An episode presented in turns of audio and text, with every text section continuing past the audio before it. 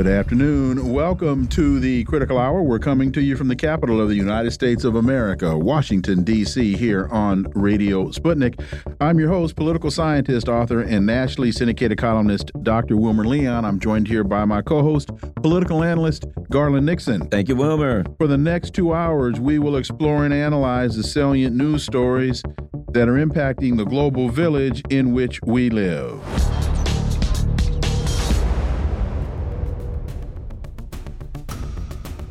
The New Arab has a piece entitled Why Arab States Didn't Join the U.S. led Red Sea Task Force. The U.S. announced the formation of a naval coalition last month to protect commercial shipping in the Red Sea, but only one Arab country joined. For insight into this, let's turn to our first guest. He's a journalist, Palestine activist, and author. His latest book is entitled Settler Colonialism in Palestine and Kashmir. Robert Fantina. As always, Robert, welcome back. Thank you very much. So, uh, before the U.S. and U.K. airstrikes on Yemen's uh, Ansar Allah last week, following attacks by the Iran backed group on ships in the Red Sea, Washington had announced the creation of a task force to protect maritime trade. Operation Prosperity Guardian was unveiled as a multinational coalition to protect ships in the Red Sea, but it has faced multiple obstacles since then. Uh, let's talk about that, uh, Robert, because when it was first announced, uh, President Biden discussed it as another coalition of the willing, but it really seems to be a coalition of the willing that are unwilling. Robert Fantina. Yes, it does seem to be that the Arab states have not joined, with the exception of Bahrain, because these these Arab countries are still trying to deal with their people, their people's opposition to the Abraham Accords. They don't want to see the people in these countries don't want to see any further. Uh, uh, work with the United States, and certainly nothing that would benefit Israel. So that is why they have uh, refrained from joining this Operation Prosperity Guardian, and I don't know who comes up with these names, but whoever it is should be fired or something. But that's why the there has been this hesitancy on the, the part of Arab states. The people in these countries are very opposed to United States actions in Gaza and throughout Palestine. They oppose the U.S.'s continued financing of the slaughter of the Palestinians, and they see this as part and parcel of it and don't want to be involved. And the, the monarchies and dictatorships know they can only control their populations to a certain degree, and they don't want to push them beyond that point. You know, Robert, additionally, you look at um, the countries, this is their region of the world. Uh, Saudi Arabia and the UAE are directly adjacent, and might I add, within missile and drone range of Yemen. So, should something go bad, they could certainly be subjected to um, actions which would damage their ability to fund their governments. And as you said, if they put themselves in harm's way, and their people didn't support them in the first place, they take a double loss, Robert. Oh, that is very true. And we've seen over the last several years uh, Yemen, Yemeni military becoming more and more powerful.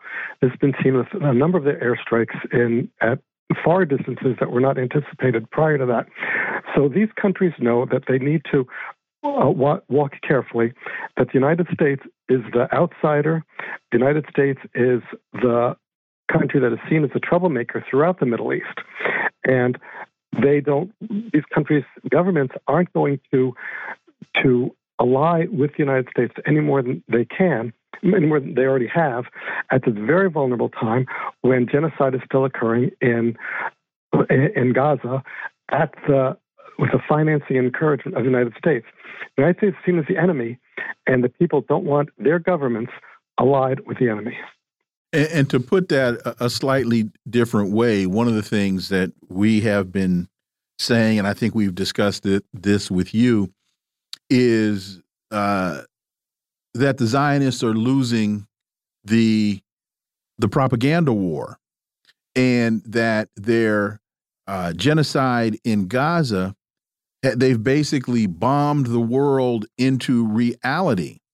And so now, what a number of these leaders in these countries are. Th this is demonstrating that uh, the power of the empire is on the wane because there was a time when most of these countries would have just followed the United States down the rabbit hole.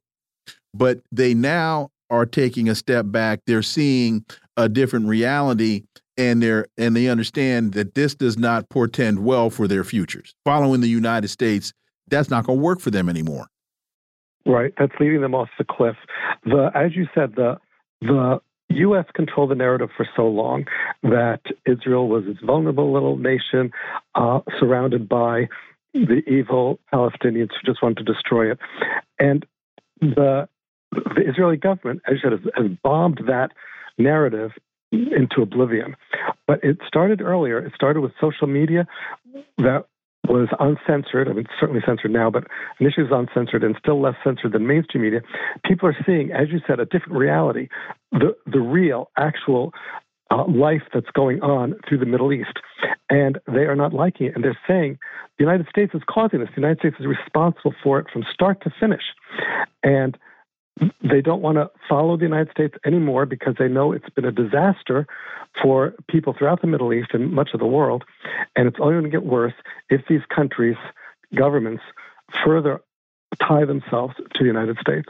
Also, the New Arab reports U.S. strikes Yemen again as rebels attack the Greek cargo, uh, the Greek uh, a Greek cargo ship. And you know what we're seeing, and and what we've been reporting is apparently what's coming from the region is that um, Yemen is they've been bombed for years. They're pretty much prepared. They've got underground bunkers. They're accustomed to this, and that uh, the strikes are not really degrading their ability to continue with their their attacks. Your thoughts?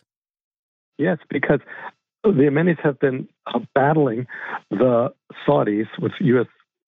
support for years, and have learned a lot during that time. As you said, they've their their weaponry is more sophisticated. Their methods are uh, more precise, that they are now a threat to cargo in the Red Sea that the U.S. will not tolerate. However, the U.S. may not have much much a uh, choice as far as that's concerned, with so little support for its uh, operation to protect the area. It's also interesting that every time we see an article about uh, the Houthi rebels, always the Iranian backed Houthi rebels. We never see articles about uh, the U.S. backed ISIS or the U.S. backed IDF terrorists, but always there's always this this need to link Houthi rebels with Iran to further make Iran the, the villain of the, the area. Again, that's something that people aren't buying. They see the reality. They see the United States and what it's done for years and what it's doing now in the face of of of horrific slaughter. So this, so as you mentioned, Yemen is no longer the the kind of backward in terms of military uh, capability nation that it once was, and the United States has to take that into consideration. Escalation by the United States is only going to bring escalation by Yemen, which is not going to end well for anybody. And to that point, the leadership in Ansar Allah is on record as saying, "We want this fight." They're they're very mm -hmm. clear, you know. Whereas and uh, whereas um, Hassan Nasrallah is saying, "Look, we really don't want to do this, but if you force our hand, we're going to come in with both feet." Ansar Allah is saying, "Oh, we want this fight, please." We so, uh, uh, mm -hmm. um, and and and so with all of that, the New Arab reports Israel Prime Minister Netanyahu says Gaza war could continue into 2025. Uh, he said this yesterday. Um, he gave the warning at a meeting with Israeli chiefs from settlements and kibbutzes near Gaza at the Southern Command headquarters in Beersheba. You know, what is that really saying? Because we have been propagandized to understand that the IDF is, you know, they're the they're the baddest thing walking. That that's the you know that the last the last army you ever want to fight is the IDF, and we were we were led to believe, oh my goodness, that this this should be over by the 9th of October. It started on Saturday, it should be over by Tuesday because they're just going to walk in and walk out. Well, they walk in and get shot out. So, yes. um, also, I don't know if there's going to be anybody left in Israel in, in 2025, the way that they're leaving the country and because they no longer feel safe. Your thoughts? Right. People are leaving the country because they know they're not safe, and they've never been safe because they're living on occupied, illegally occupied territory, and the people they're occupying want it back. Additionally, the death toll of IDF soldiers is probably greatly underreported. There have been reports that, that many more have been killed than have been. And in Israel, IDF soldiers are seen as gods just about. And the fact that they are dying, even in the numbers that are reported publicly, even if that's that's the accurate number, the people in Israel are becoming more and more angry at Benjamin Netanyahu. They blame him for the uh, intelligence failures from October 7th.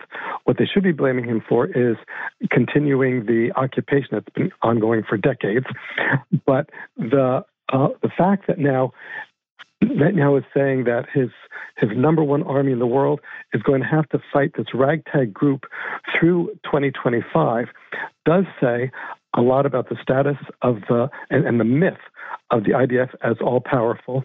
It also says a lot about the resilience of the Palestinian people who are not going to roll over and die. They, that was never their plan, that was never their intent, and they're going to continue to fight to the end, which, of course, is what Israel wants. And um, looking at that, um, here's the next question Who's going to pay for it? Because you know he's saying we've got to fight until although you know that's a uh, you know rhetorical question but he's saying we're going to fight until 2025 and it's and, and inherently what he's saying is the united states is going to provide us all the all the weapons. They're going to give us everything we need. They're going to give us all the money, no matter what, indefinitely. It's not even a recognition that Israel's um, economy has collapsed, that they can't produce the things they need. It's basically saying uh, uh, uh, Uncle Sam behind us will cover us for whatever we need as long as we need. And as even though it is Israel, as we've seen in Ukraine, the American people can, after a while, get tired of this kind of stuff. Well, you're going to pay for it, Garland. Oh, I forgot. Yeah, exactly. With your tax, your tax dollars. You personally, you, Garland Nixon, are going to help to underwrite this effort. Robert. And that, and that that's true. Israel expects, and it's learned to expect, that whatever it wants the United States, it gets. Just in the last several weeks, uh, Joe Biden overrode uh, or Uh, overrode U.S. legislation, bypassed Congress, and sent another about $300 million in weaponry. Weaponry that he has told Israel it shouldn't be using. And yet, the United States continues to send that weaponry, those, bombs, the so called dumb bombs, among other things, to Israel. Israel will continue to get whatever it wants in the United States in terms of finances, while there are the poverty level in the United States increases. There are cities that where people can't drink the water that comes out of the tap. Uh, the school systems, inner school systems, are breaking down uh, horrifically, and yet Israel will get everything it needs to kill Palestinians because that's U.S. policy. Robert Fantina, as always, thank you so much for your time. Greatly, greatly appreciate that analysis, and we look forward to having you back. Thank you very much. My pleasure as always. Thank you, Robert. Folks, you're listening to the Critical Hour on Radio Sputnik. I'm Wilmer Leon. I'm joined here by my co host, Garland Nixon. There's more on the other side. Stay tuned.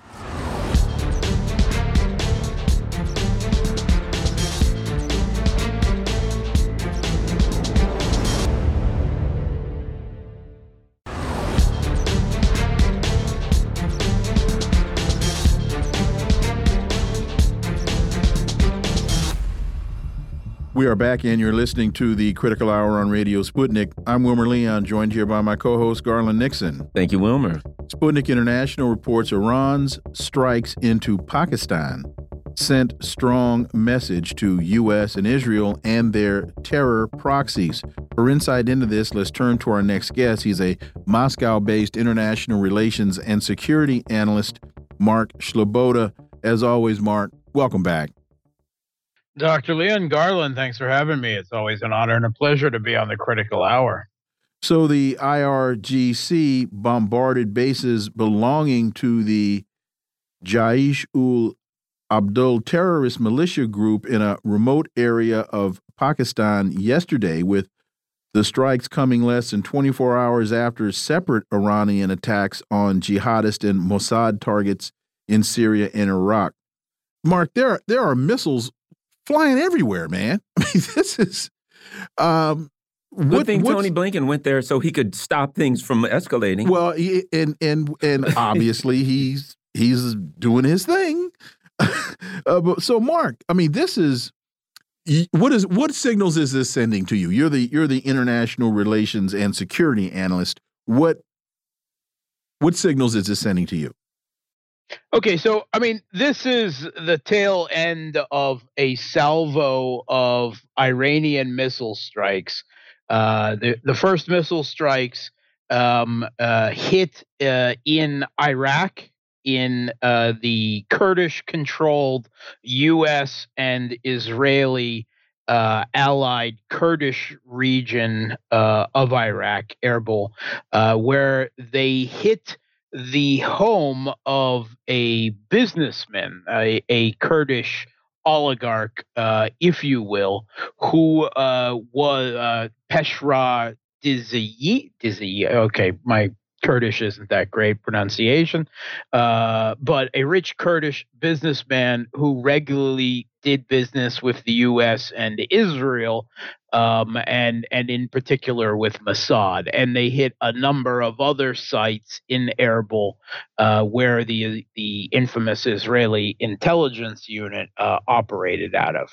Uh, they also hit in Idlib area of Syria, uh, headquarters of the Turkestan Islamic Party, an ISIS-allied terror group um, in uh, still in in Idlib, Syria. If you'll notice, the only parts of Syria where ISIS is still active is not the area, any of the areas controlled by the government, but the areas controlled by the occupation forces of Turkey in the north and the United States in the east. Just saying. Um, uh, ISIS uh, affiliated forces claimed credit for the terror attack in Iran uh, just recently uh, during an anniversary of the funeral of Qasem Soleimani, the IRGC general and and very much a political leader in Iran who was assassinated in cold blood by the United States while in Iraq. Um, and uh, this latest salvo um, uh, hit in Pakistan in a border area. They it hit two um, strongholds, two um, bases of this uh, Sunni Salafist terror group, Jaish ul Adl, um, whom um, has uh, long been involved in in uh, border activities, uh, um, attacking uh, across the border into uh, Iran, uh, where they support a violent separatist movement, and there is a long history of the U.S. and Israel supporting and using as tools Baluchi separatist groups uh, to conduct terror attacks in Iran. All right, this isn't uh, something that is new. Um, so, Iran is. uh, We don't.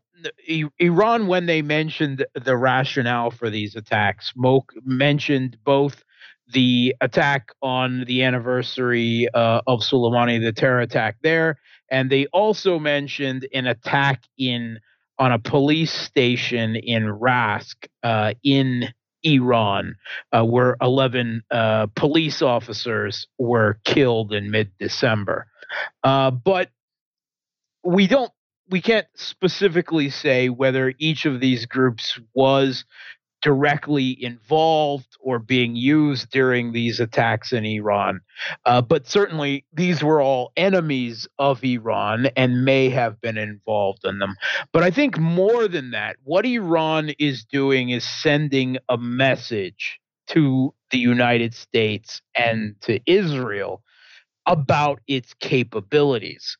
Now, these strikes in Syria, in Idlib province of Syria, on the Turkestan Islamic Party, the distance is 1,250 kilometers, and they hit with pinpoint precision um, uh, on these uh, targets. This is a uh, new um, I, uh, Iranian missile uh, that was used uh, during these strikes, the Khyber Shekan. It has a top range of some 1,450 kilometers. Um, and I, I think the U.S. probably definitely got the message, especially since several of the supposed Mossad targets it hit in Erbil are right down the street from the U.S. consulate there. Um, and, and, just really um, quickly, and, 1,250 yeah. kilometers is almost 800 miles. Yes, it is a it is a very long distance. Sorry for the for the um, uh, uh, metric system. I've, no, I've that's fine. That's why I did the math. For, you, uh, uh, yeah, I've been, that's why I've I'm been here. out of the U.S. for too long. Um, anyway, it. Um, no, I haven't been out of the U.S. too long. I, just the right amount of time, actually. Um, but um, it this is, uh, of course, a part of an escalation cycle that is slowly occurring between uh, the U.S. and Israel, and and yeah, I guess you could say greater part the West and Iran that is gathering yeah, you know, has been a, a feature of U.S. Iranian politics for a long time, but is gathering steam over this uh, crisis with the Israeli attacks on Palestine, uh, which uh, is, uh, Iran has effectively been using its uh, what what are called by the U.S. its proxy forces, the axis of resistance uh, in the region uh, to strike at both U.S. and Israeli targets. Uh, whether we're talking about the Houthis or Ansarallah in Yemen, or Kataib, Hezbollah in Iraq, or Hezbollah in Lebanon, uh, and um, several other smaller groups, um, showing Iran's uh, reach both uh, you know through um, uh, militant forces uh, throughout the Middle East, but, but also um, more conventionally now with precision ballistic missiles capable of of, of striking accurately at vast distances. And, and just quickly, so folks can can get a, a better understanding of the message being sent. Um, Uh, Tehran is about 1,200 miles from Tel Aviv. Okay. So yes. So that so they're sending missiles, letting folks know, yeah. oh, I can hit you in the pocket if I want to. Yeah. They they can hit Israel. They can hit a number of major U.S. military bases in the region, and that is exactly the message that was delivered. You don't want to mess with us, and you want to wind down what you're doing in Israel. Additionally, there are reports the Russians um, are pretty much doing the same thing in in, in uh, Ukraine at a much um, higher level. The Russian military yes. hit a Ukrainian point of temporary deployment of foreign mercenaries and another ammunition depots, etc. So uh, even as Ukraine says, "Oh, we're going to dig in," then it's not going to do them any good if you don't have air protection because if you dig in you're just going to get hammered incessantly. No no no see garland that that's a misinterpretation. You've confused digging in with getting buried. Oh my bad. Yeah. Mark yeah, um, Russia uh, has similarly been conducting long range strikes for, for a long period of time in Ukraine. Of course, that has really accelerated in the past three weeks with the opening of a winter uh, drone and missile campaign. Um, there have been four rather large salvos and then almost nightly smaller salvos. I've just uh, uh, seen flash uh, news about another uh, Geran uh, salvo, uh, the uh, Geran 2 Black uh, the long distance uh, kamikaze drones that really are, are being used like uh, inexpensive cruise missiles um, uh, heading out uh, over the Kiev regime controlled territory in Ukraine as well. Um, nightly, of course, they are hitting, first of all, first the first biggest priority is Western air defense. They are mapping them out, uh, they are, you know, identifying them and targeting them and taking them out by all accounts, and by the failure of of uh, response uh, to uh, be able to um, limit Russia's, uh, you know, use of ballistic missiles and cruise missiles and and so forth, um, but uh, also the elements of the Kiev regime's military industrial complex that they have been able to rebuild over the last year. And and also you know the weapons depots uh, command and control centers um, uh, concentration not only of Kiev regime forces but uh, of uh, western um, uh, quote unquote mercenaries uh, uh, military personnel fighting uh, for the Kiev regime uh, in Ukraine. They are a priority target, and uh, just you know, recently we've heard of a hit in Kharkov where some 60 French um, mercenary tourists were, were were terminated while while on safari. Mercenary tourists. That's an interesting category or interesting. Uh, really, really quickly, um, Mark, we got just about a minute and a half. So winter has set in. We, you know, we've been hearing for so long about the um, uh, about the the next big push. Um, so where are we now with with winter setting in and and troop troops abilities to and and tanks abilities to maneuver through the steppes and all that kind of stuff? Yeah, um, so we're we're definitely in freezing we- uh, weather in Ukraine right now. Uh, British military intelligence predicted a Russian offensive to start on January 15th. Uh, we may have seen some evidence that it that at least a big uh, increase of activity on the front line. If Russia doesn't want to call it an offensive, fine. Uh, but uh, in the last uh, 24 hours, Russia has vastly increased uh, pressure on Kiev regime forces all along the, the whole length of the contact line between the Dnieper River and and Kupiansk in uh, in the uh, northern Donetsk, southern Kharkov region, and and we have there, no one is really talking about it. Russia's not talking about it. Ukraine is not talking about it. But this is good weather for Russia to to make use of uh, mechanized assaults with tanks and infantry fighting vehicles because of the frozen ground, and they may very well be doing that right now. So we really need to keep an eye on the front line. Uh, the Russian Ministry of Defense is recording a big spike in the number of Ukrainian casualties they are crediting their forces for. And that is probably indicative of, of this much larger amount of uh, pressure that they're putting on the Kiev regime's buckling defensive lines uh, everywhere right now. Mark Sleboda, as always, thank you so much for your time. Greatly, greatly appreciate that analysis, and we look forward to having you back. Thanks for having me. Folks, you're listening to the Critical Hour on Radio Sputnik. I'm Wilmer Leon. I'm joined here by my co host, Garland Nixon. There's more on the other side. Stay tuned.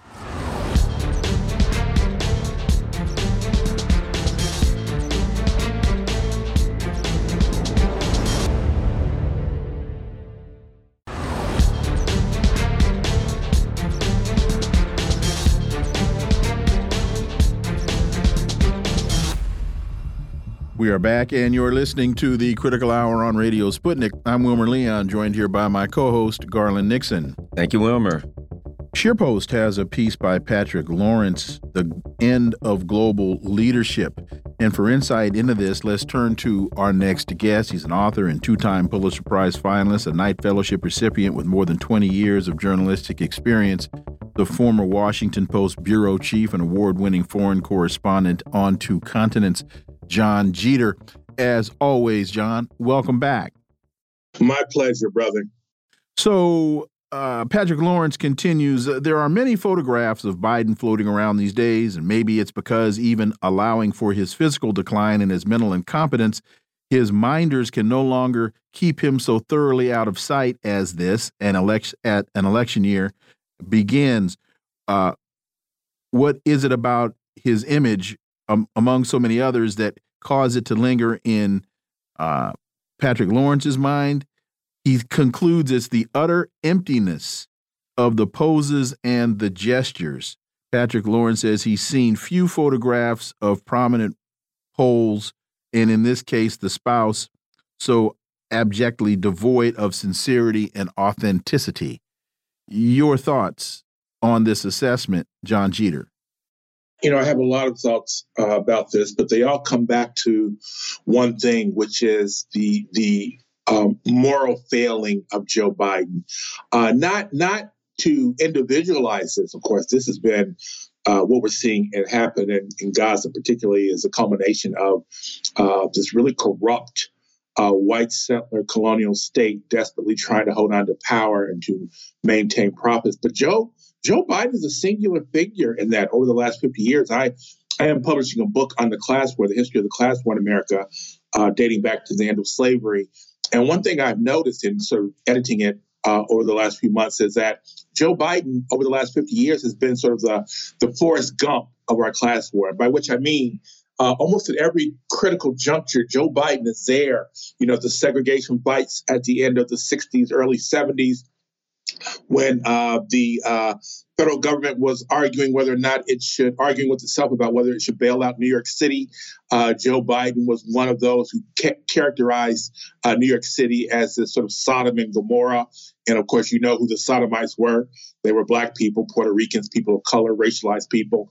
Again, you know, in the early 90s, with his uh, championing of the omnibus anti uh, anti crime bill uh, with its racism, and now, of course, we see him again. Oh, the bankruptcy bill. People always often forget about the 2003 bankruptcy bill, which he was a sponsor of, and I think the chief author. Uh, which of course squeezed working class people even more. And now, of course, we see him leading a genocide. I think this is perfectly consistent with the man of his profile. One thing I know, and I don't, you know, I, I can't speculate on this. I don't know anything about these things. This is a very private matter, but I, I recall that his son referred to him in some of these emails, this this cache of emails that was discovered by investigators, that his son Hunter referred to him as Pedo Pete. And of course, there's always been speculation that Joe Biden is a pedophile, uh, open speculation, very public speculation. Um, I, you know, I'm estranged from my son right now, my grown son, uh, but it's because we interpret events that actually happen in very different ways. I would be mortified if my son referred to me to anyone as a pedophile. Hmm. and I just can't help but think that that is symptomatic of this sort of moral rot that is at the center of Joe Biden's soul, and and hence at the center of our political class. And so, uh, yes, Joe Joe Biden is a horrific failure. Uh, think I, I, you know, hopefully he will lose. Although, of course, you know, will they say be careful what you wish for? We'll have another Donald Trump presidency. But this is well deserved, and I hope it. I hope it. I hope it opens him up to even more scrutiny about his uh, both his presidency and his professional life, and even his personal life. Because I think that uh, I, I really hope that at some point uh, Joe Biden, I know he probably doesn't have that much longer on this earth, but I do hope at some point to see Joe Biden behind bars. Uh, what he's done in Gaza is is a war crime, and he should be punished for it. And you know, Jon, when I look at this, uh, the thing that's interesting is that they, you know, they talk about the blankness of the Biden administration in a nutshell, staring forward. Tony Blinken saying things like, oh, "The whole world depends on us and looks to us for leadership in Gaza," and blah blah blah. The madness. When there is only one question now for the Biden administration: How far will they go? You know, the question, they don't want Trump. How far will they go? Will they rub him out? Uh, the Ukraine thing's falling apart. How far will they go? Will they go to nuclear weapon? The Gaza, how far will they go? Will they attack Iran? They are so it's so preposterous and, ludicrous to look at these monsters. The only question you continually ask when you look at them is, how far will they go, Jon Jeter? Yeah, no, I agree. I, I, you know, I think, and I don't know the answer to that, but I think it's a, I think it's a fair question in all instances that you just posited, uh, posited uh, that we should really consider how far will they go. These these people are desperate. I, I just, you know, I think I've told this story before. I'll tell it again very quickly. Uh, when I was in South Africa in the early aughts, I remember a, a, bevy of people, both black and white, telling me that in the last days of apartheid, everyone realized it was falling apart, and so particularly people in power, wealthy people, they decided they were to they were going to make one last dash for the cash, right?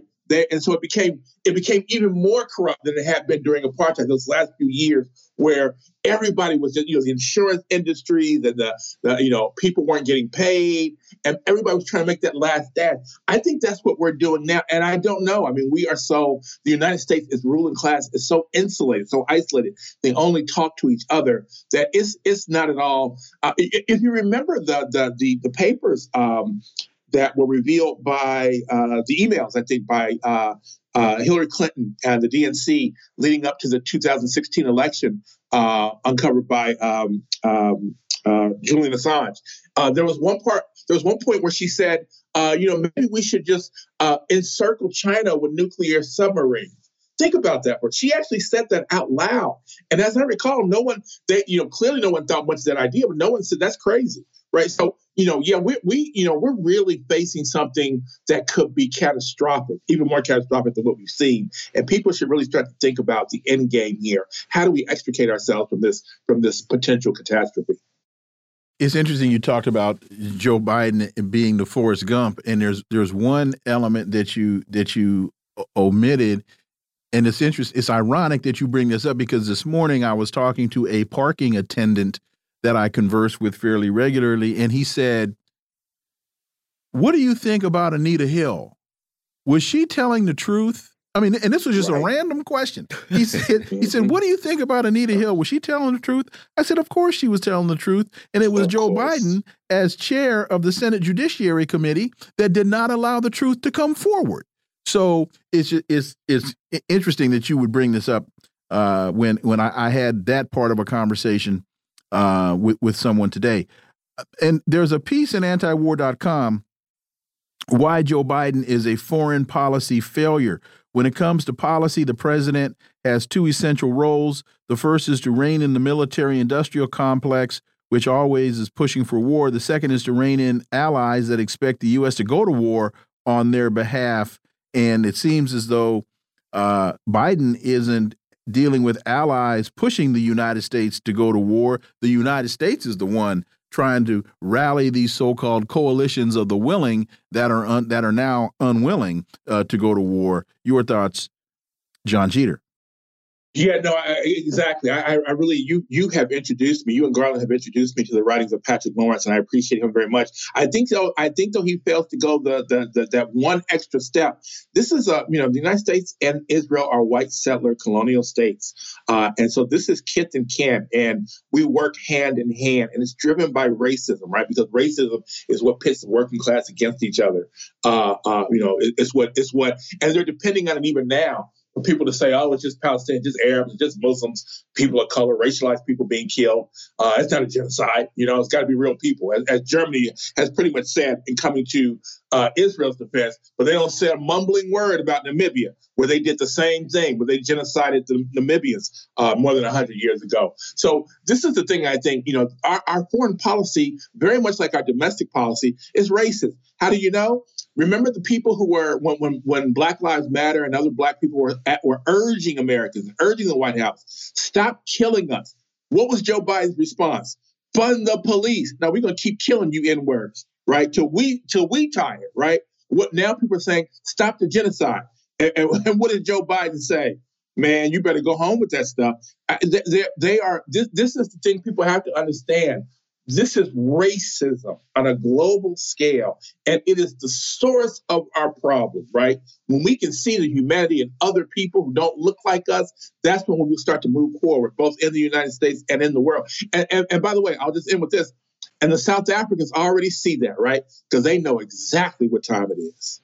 And what I think is important is uh, the South Africans. My understanding is that they're preparing a case against the U.S. and the U.K., and I think that's yes. very important too, Jon. Oh, that's beautiful. That's beautiful. And that and that I think is, is one of those cases where you say, now what is the United States going to be prepared to do? Because they realize they have to realize the danger of this. Already, you know, you've seen uh, during the Bush administration uh, their actions in the uh, in Iraq. Uh, many of them don't travel overseas because they realize they could be arrested. I wonder if this is going to lead to that if South Africa presses forward with this case, and I wonder if this is going to prompt a reaction from the United States. I mean, they're in a hole right now, and I don't see any way they can get out. They dug it; it's of their own making. But this, it's just, I, you know, I can't. I, you know, I have been critical of South Africa, at least its leadership, the ANC, the African National Congress. I am so proud, right? I just this makes me so proud as an African, as a black man, to see this country leading the moral charge against settler colonialism. I just love it. I just love it. And what does it say to you as the South Africans are leading the moral charge? And Dr. King told us that the moral arc of history is long, but it bends towards justice, that it's the United States that is leading the charge against against this, saying uh, this is eh, the word meritless. I can't I can't get that word out of my head in relation to now I can understand. Well, this is a misunderstanding. Well, this might be a hyperbole. Well, this might be an overstatement. But to say that this 85 page case is meritless is insane. It, it's, and it's a brilliant document for anyone who's read it. It's a brilliant document, one of the most brilliant legal documents I've ever seen of making a case. Uh, but yet meritless, right? No merit, without totally without merit, which I think reflects their desperation. But it reminds me, I think we're going to find out very soon. I think the South Africans and much of the world is going to be saying very much like Cool Moe Dee, how you like me now? well said, sir. Uh, well said. Jon Jeter, as always, thank you so much for your time. Greatly, greatly appreciate that analysis, and we look forward to having you back. Can't wait. Folks, you're listening to the Critical Hour on Radio Sputnik. I'm Wilmer Leon. I'm joined here by my co host, Garland Nixon. There's more on the other side. Stay tuned.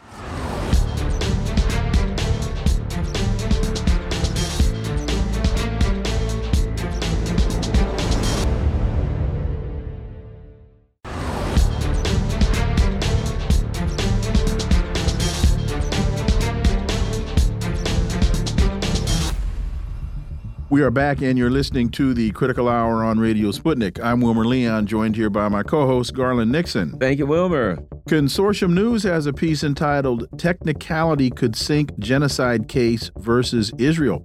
South Africa may have given the World Court a way out of ruling that Israel is plausibly committing genocide and must halt its attacks, according to Joe Lauria. For insight into this, let's turn to our next guest. He's a U.S. labor and human rights lawyer, writer, author, and activist. He's been a peace activist throughout his life and has been deeply involved in the movement for peace and social justice in Colombia, Venezuela, Nicaragua, and other countries in the global south. He's taught international human rights at the University of Pittsburgh School of Law since 2012. And I may add this personal note I believe one of the best people on the planet to have this conversation with. Professor Dan Kovalik, as always, sir, welcome back. Hey, thanks for having me. Always a pleasure. So the Joe Lauria continues in its defense last Friday before the World Court against allegations by South Africa that it is committing genocide in Gaza and must be stopped. Israel made a legal argument that could torpedo the case if the court buys it. In order for a claim to reach the International Court of Justice, there must be an established dispute between two states.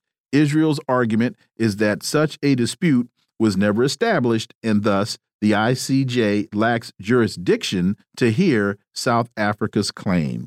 Your thoughts, Professor Dan Kovalik? Yes. Well, it's you know, from a lawyer, I'm a lawyer, so I you know I always admire good you know lawyerly arguments. I think it's a colorable argument. It's a clever argument. But I think ultimately it will fail. So I think what they they're arguing is there's no dispute because South Africa never came to them and said, "Hey, Israel, you're committing genocide. Please stop it." And then Israel, you know, would have might would have said, "No, we're not going to stop it." And then there, therefore, they'd have a dispute. I think Israel's saying that never happened. Therefore, there's no dispute. Okay. However, I think it, South Africa can show that uh, in various venues and in public venues, it has it has accused Israel genocide. You know, in the press, etc., uh, at the United Nations, and that Israel has continued its conduct anyway. That is to say that I think one, you could argue that effectively they've consulted because Israel's been well aware of this critique. And, and has not changed course, which gets into the next argument again that South Africa could make, and that's one of futility. Eh, what they could say is look, had we gone to Israel and sat down and said, hey, Israel, pretty please stop committing genocide, there's no way they would have stopped.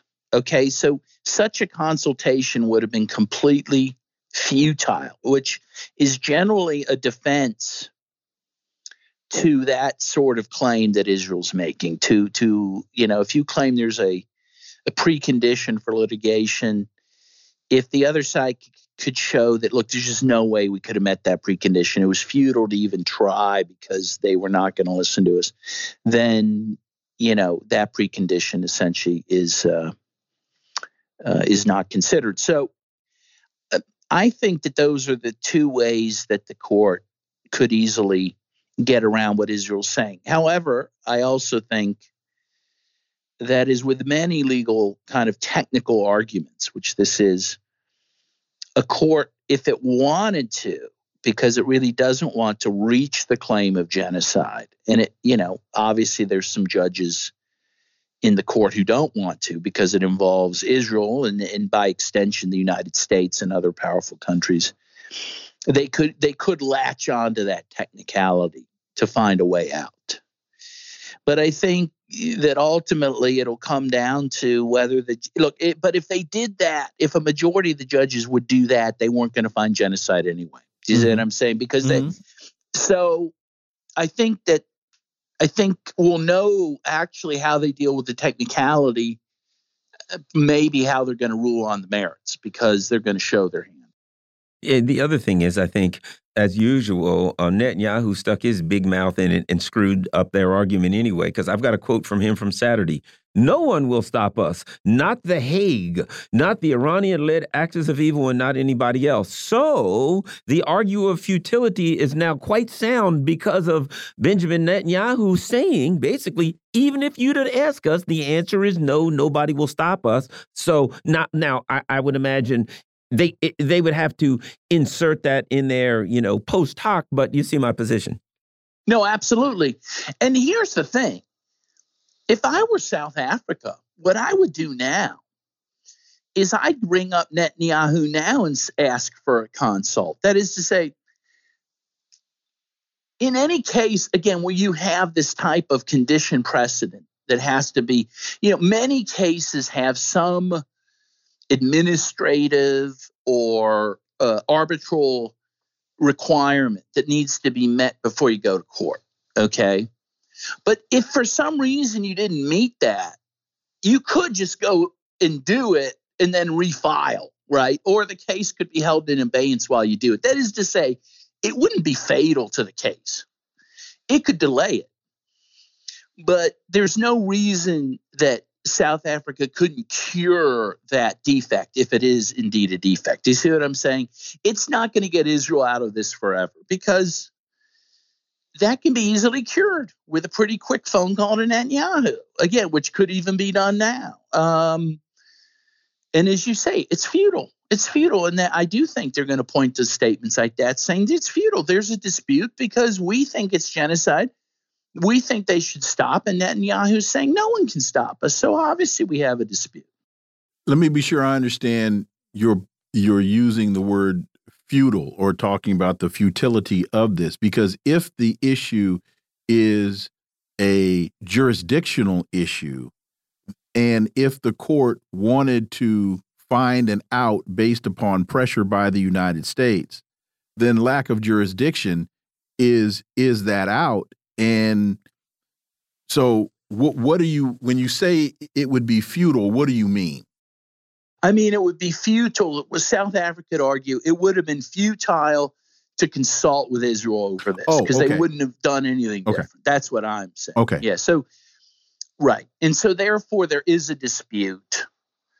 Uh, we didn't have to go through a, a, an official consultation to find out there's a dispute because they're saying they wouldn't change anyway. So why would I? Well, why do we have to go through that technical step? That, and I'll give you an example. So I did a lot of human rights cases over the years, most out of the country of Colombia, South America, and in the, the under the law we brought uh, the case, you, it was required that you would exhaust your remedies in the home country of Colombia before you brought the case to the United States. The U.S. court won't hear the case till you've actually tried to get justice in the other country, in this case, Colombia. In all of our cases, we said, well, it's futile to do that. In fact, it's even deadly to do that because witnesses get killed in Colombia, judges get killed. They don't have a functioning judiciary. So it would have been futile to even try to exhaust our remedies in Colombia. In every court we made that argument to bought it and said, okay, you're right, it's futile. It would have been futile for you to do that. So we're not going to require you to do that. We're just going to hear your case. And that's basically the same argument that I'm making here about the uh, about the consultation. Truth Out has a piece. Israel tells ICJ it has the most moral army in the world at the genocide hearing. This is written by Professor Marjorie Cohn. And in a historic appearance before the ICJ, the the legal team representing South Africa presented a powerful and compelling case.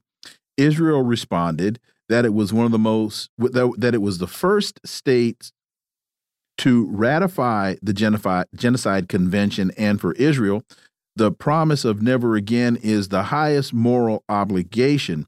Israel's position is that Hamas is responsible for the situation in Gaza, and it accused South Africa of an attempt to weaponize the term genocide. Your thoughts? Yeah, well, Israel is good at, at signing all these conventions, but it doesn't abide by them. And their mantra over the years has been they're the most moral army, and it's just not true. I mean, going back to the Nakba of 1948. In fact, I'm writing a book about this right now, and you know, it, the Israeli uh, forces, even going back to 1948, were raping uh, women that they were trying to ethnically cleanse and carried out massacres of civilians. And of course, they're carrying out massacres of civilians now. There have been numerous claims of women and men being raped by Israeli forces in prisons and in other forms of detention. Uh, the fact is, they're not the most moral army. They say that, but they're not. And in terms of weaponizing genocide, it's Israel that has weaponized the Holocaust now uh, for many years by always uh, using the Holocaust as a sword against the Palestinians, saying, hey, well, we were victims of the Holocaust, and basically arguing that gives them a get out of jail free card. Um, and, and also, what they've done is tried to transfer the guilt of the Holocaust upon the Palestinians as if they were the ones that carried it out, right? Uh, which is not true, as we know, was the Germans, I guess, to set the record straight. Um, and it's now Israel that's carrying out a genocide. It, it, but they've been the ones to try to weaponize the genocide issue in a very uh, manipulative way. And they've been called out many times for that. Um, and it should be called out because it's disgraceful. But again, it's not South Africa doing it, it's Israel. Well, and the other part of it is, you know, for someone i mean someone can accuse me of murder and i go to court. Garland you're accused of murder. I'm the nicest guy in the world. In my opinion i may be the nicest guy in the world but murder be, may be okay. So just because israel i mean the goal to just go to a court and just in a blank statement well we're the most moral army in the world. Well that's not much of an argument in a, in, in, a, in a court of law um, uh, dan. No of course you judge people by their actions not about what they say they are and and Israel's probably the worst offender at that. You know, always talking about how democratic they are and moral they are. They're neither a democracy nor are they moral. I mean, you can't have a democracy only for one group of people. But but doesn't as we as we we probably got about a minute and a half left. Doesn't that demonstrate that they're really th this says to me they're not concerned about the International Court of Justice. They're concerned about the court of public opinion? Well, I'd say they're concerned about both because the court of public opinion will definitely be impacted by what the International Court of Justice does. I mean, if nothing else, a decision against Israel by the International Court of Justice will destroy any credibility that Israel has left.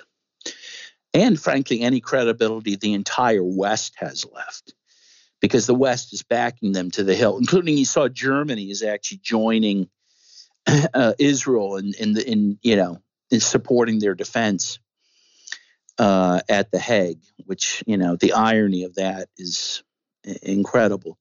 Uh, but in any case, um, the two go hand in hand. It, but also, I think they fear if there's a if there's a decision against them, that countries will feel emboldened to actually do something to to stop this bloodshed, and I hope they do. Yeah, and Dan, I'm I'm really looking forward to uh, the uh, um, the South Africans' uh, next move because my understanding is that they're going to go after the U.S. and the U.K. as complicit. We only got like 30 seconds. Yeah, that's that's what I see, and of course, under the Genocide Convention, aiding and abetting genocide is also actionable, and that is what South Africa is going to claim, and they would win on that. If there's a if Israel's committing genocide the US and UK are complicit. There's no doubt about that. Professor Dan Kovalik, as always, thank you so much for your time. Greatly, greatly appreciate that analysis, and we look forward to having you back. Thank you very much. Folks, you are listening to the Critical Hour on Radio Sputnik. I'm Wilmer Leon. I'm joined here by my co host, Garland Nixon. There's another hour on the other side. Stay tuned.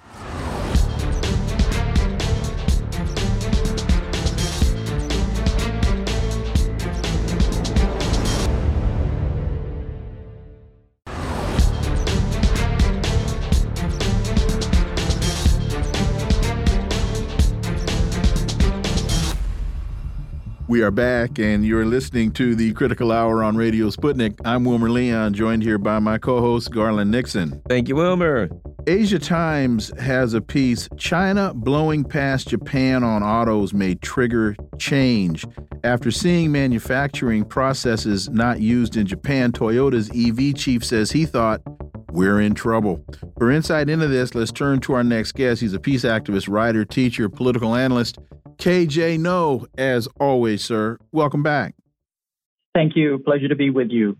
So, this piece continues if there's any surprise over the fact that China dethroned Japan in 2023 to become the world's top automaker, it relates to how fast that happened. Overall, auto exports jumped 58% last year from the prior one, topping 4.9 million units, says the China Association of Automobile Manufacturers. Along with deploying its increasing strength in electric vehicles, China Inc.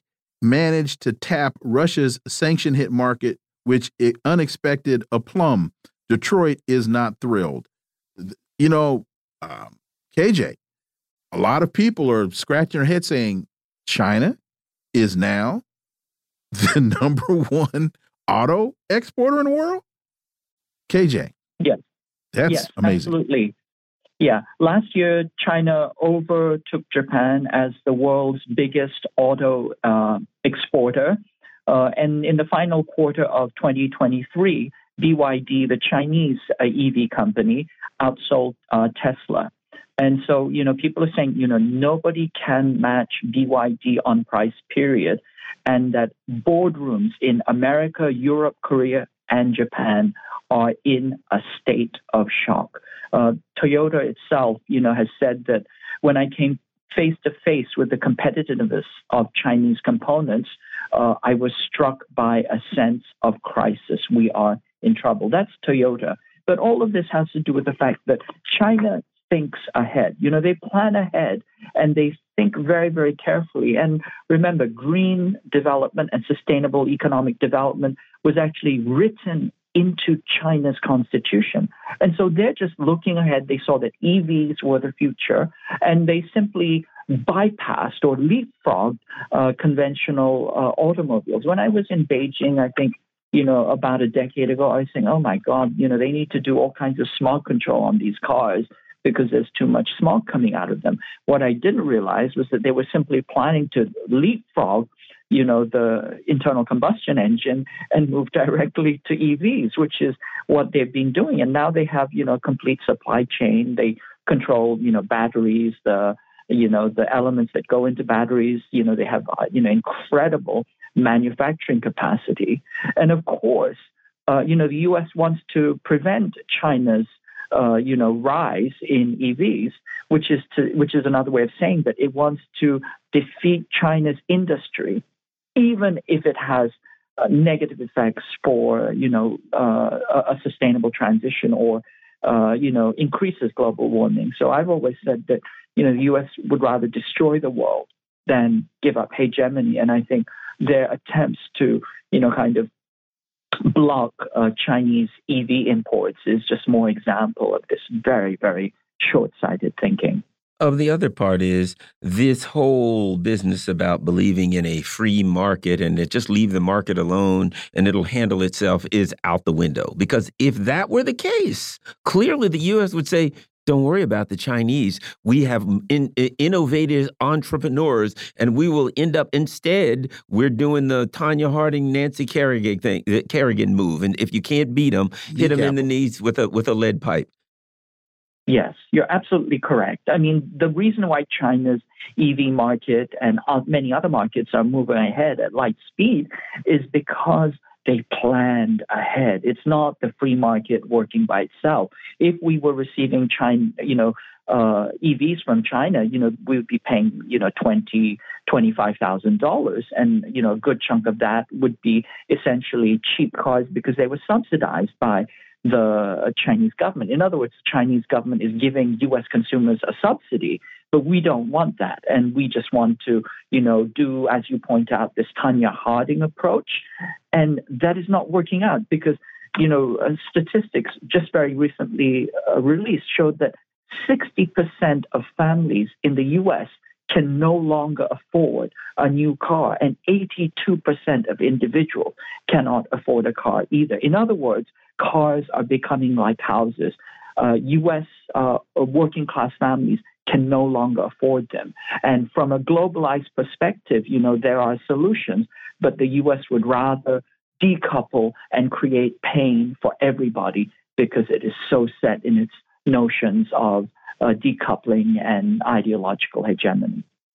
One of the things that stood out to me about this particular article is this uh, sentence or Years of Tokyo complacency have been good to China, enabling Xi's economy to fill the void created by deflation racked Japan. Uh, complacency is what jumped out at me here because if you think back to the late 1970s, it was American auto manufacturing complacency that allowed Japan to jump into the market. Uh, back then, auto the life expectancy of an American car was less than four years because the the mindset was Americans will buy a new car like once every three years. So the cars didn't have to be durable. The cars didn't if they started rusting, it didn't matter. The the American auto manufacturers fought seatbelts when Volvo first started putting seatbelts in in in cars. American manufacturers fought that. And then Japan brings the Honda Civic CVCC into the market. That was also around the time of the um, oil crisis, and people looked at the looked at the, the the the Civic and said, "What is this? A toaster with an engine in it? What is this?" And so, all of that just to demonstrate the complacency of the U.S. market led to the rise of the Japanese market and now this article is saying the complacency of the Japanese market has led to the rise of the Chinese market. Yes, I, I, mean, I think complacency is part of it. I think it's poor planning. I think they were still kind of still stuck on uh, hybrid cars and and uh, frankly, you know, internal combustion cars.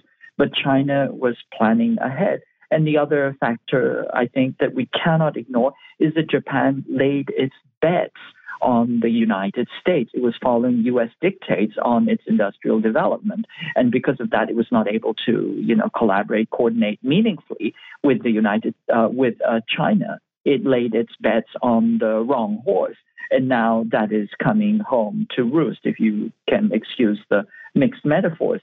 But you know, once again, you know, U.S. capitalism is uh, a dead end uh, as far as development is concerned. I mean, if we, uh, if there were not other forces that had intervened, you know, we would still be driving Pintos with, you know, exploding gas tanks because Ford did the calculation that it was cheaper to pay out, you know, uh, you know, indemnities rather than to actually fix, uh, you know, the, the exploding gas tank.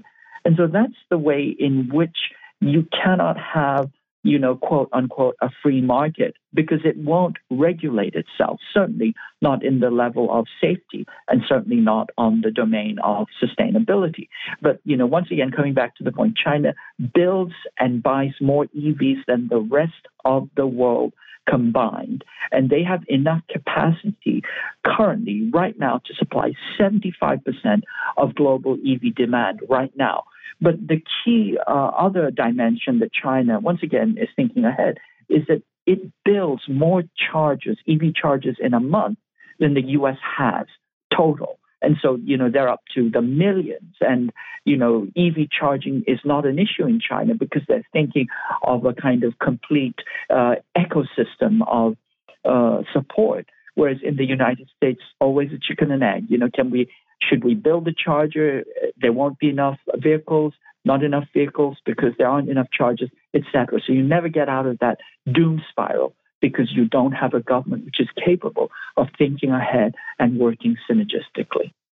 Asia Times open letter to Chinese American high school students. Chinese Americans should look beyond beyond the Ivy League farce and consider getting a real university education in China. That's by Han Feizi. And you know the thing about it is, we, people are starting to recognize that a lot of, particularly the upper class American universities, are controlled by these billionaires and corporations through donations, and then they begin to control the curriculums. Well, and let me quickly read uh, just two sentences from this article. Uh, China has invested. It's it's an article about the difference between the impact that wealth has on education in the United States versus what's happening in China, and why are is education at the degree it is in China? Because China has invested considerable efforts and continues to do so to ensure that wealth couldn't game the education system. China's schools are not funded by local property taxes. The government did away with guaranteeing school placement based on property ownership. Private schools exist, but enrollment is by lottery. And famously, China, in one fell swoop, scrapped the entire for profit tutoring system. KJ. Yeah, this is how China thinks. You know, China has a 2,000 year old tradition of meritocracy, which means that the best uh, get to acquire certain, you know, advantages based on how hard they work. There is no uh, enduring aristocratic class in China. Aristocrats have to prove themselves by taking exams over and over and over again, which is to say that learning is foundational. The most important value of Chinese culture is the value of learning, and anybody and everyone is welcome to show their mettle by showing that they've learned the stuff and that they can, you know, compete. This is the foundation of the Chinese system, which is why it's been successful for millennia. Now, the Ivy Leagues come out of Oxford and Cambridge, Oxbridge, and they are kind of like finishing schools for the ruling elite. You know, they kind of give a, a fraudulent imprimatur of, of you know, uh, achievement, which is really based on acquiring the markers of class, which is why they traditionally study classics or liberal arts, etc. So it's really about you know giving a kind of finishing school aura over people rather than creating a system that genuinely challenges and educates people. And now that fraudulence is becoming more and more clear. And this uh, writer is saying given the racism against Asians and given the fact that these Ivy Leagues are not what they're cut out to be, if they ever were, and third, the fact that Chinese universities, which are really about merit and actual uh, academic ability, are skyrocketing in the ranks. In fact, they dominate the top 10, the top 20, and the top 50. All of them are dominated by Chinese schools. He's saying there's no need to struggle through this, you know, fraudulent Ivy League process. Just go and study in China. And I think that advice is really, really good advice. You know, and um, if you look at the outcomes, you know, that's the other part. The people look at, you know, I had a member of Congress tell me that he got a lot of heat because his chief of staff was not from an Ivy League school. They went to, uh, I think, Howard Law School, University Law School, or something like that, one of the local law schools, but they weren't Ivy League. So it's a club, it's a class. It's not even about education anymore whatsoever. It is about, and I've also had someone tell me who was, went to an Ivy League school that they, in classes, it was routine for a professor to say, well, you know, the people in this room are going to be running things. The people in this room are going to be charging those in charge of things, those types of things. Uh, your thoughts? Yes, absolutely. As I said, you know, they're finishing schools for the ruling elite, and it's where they network and where they acknowledge and kind of pat each other on the back and create their little cabals to quote unquote literally rule the world. and the problem is that when you get such an extraordinary, uh, you know, concentration of uh, incompetence that rise upwards, you can all you have to do is look at the current Biden administration staff full of Ivy League dunces, you know, all of them with gentlemen's C's and nothing to show for it in terms of actual accomplishments. Then you realize why we're in such deep uh, distress uh, on uh, both political and economic and uh, moral levels. And so there, you're absolutely correct. It's just a club or a class that, you know, kind of, you know, creates kind of an enclosed loop for the ruling elite. Uh, and you are not going to get uh, a, a, a, functioning society from that. What you end up is what is called a kakistocracy, which is the rule of the uh, incompetent and, and, and the venal. Well, we started with the discussion that China's blowing past Japan on autos may trigger change. One would ask the question well, what is it about China that has enabled it to, through its engineering and its industry, been able to develop the world's leading car market well, let's look at their engineer. Let's look at their education system, and those there might we might find some statistically relevant correlation between the two. KJ Noh as always, thank you so much for your time. Greatly, greatly appreciate that analysis, and we look forward to having you back. Thank you. Always a pleasure. Folks, you are listening to the Critical Hour on Radio Sputnik. I'm Wilmer Leon. I'm joined here by my co host, Garland Nixon. There's more on the other side. Stay tuned.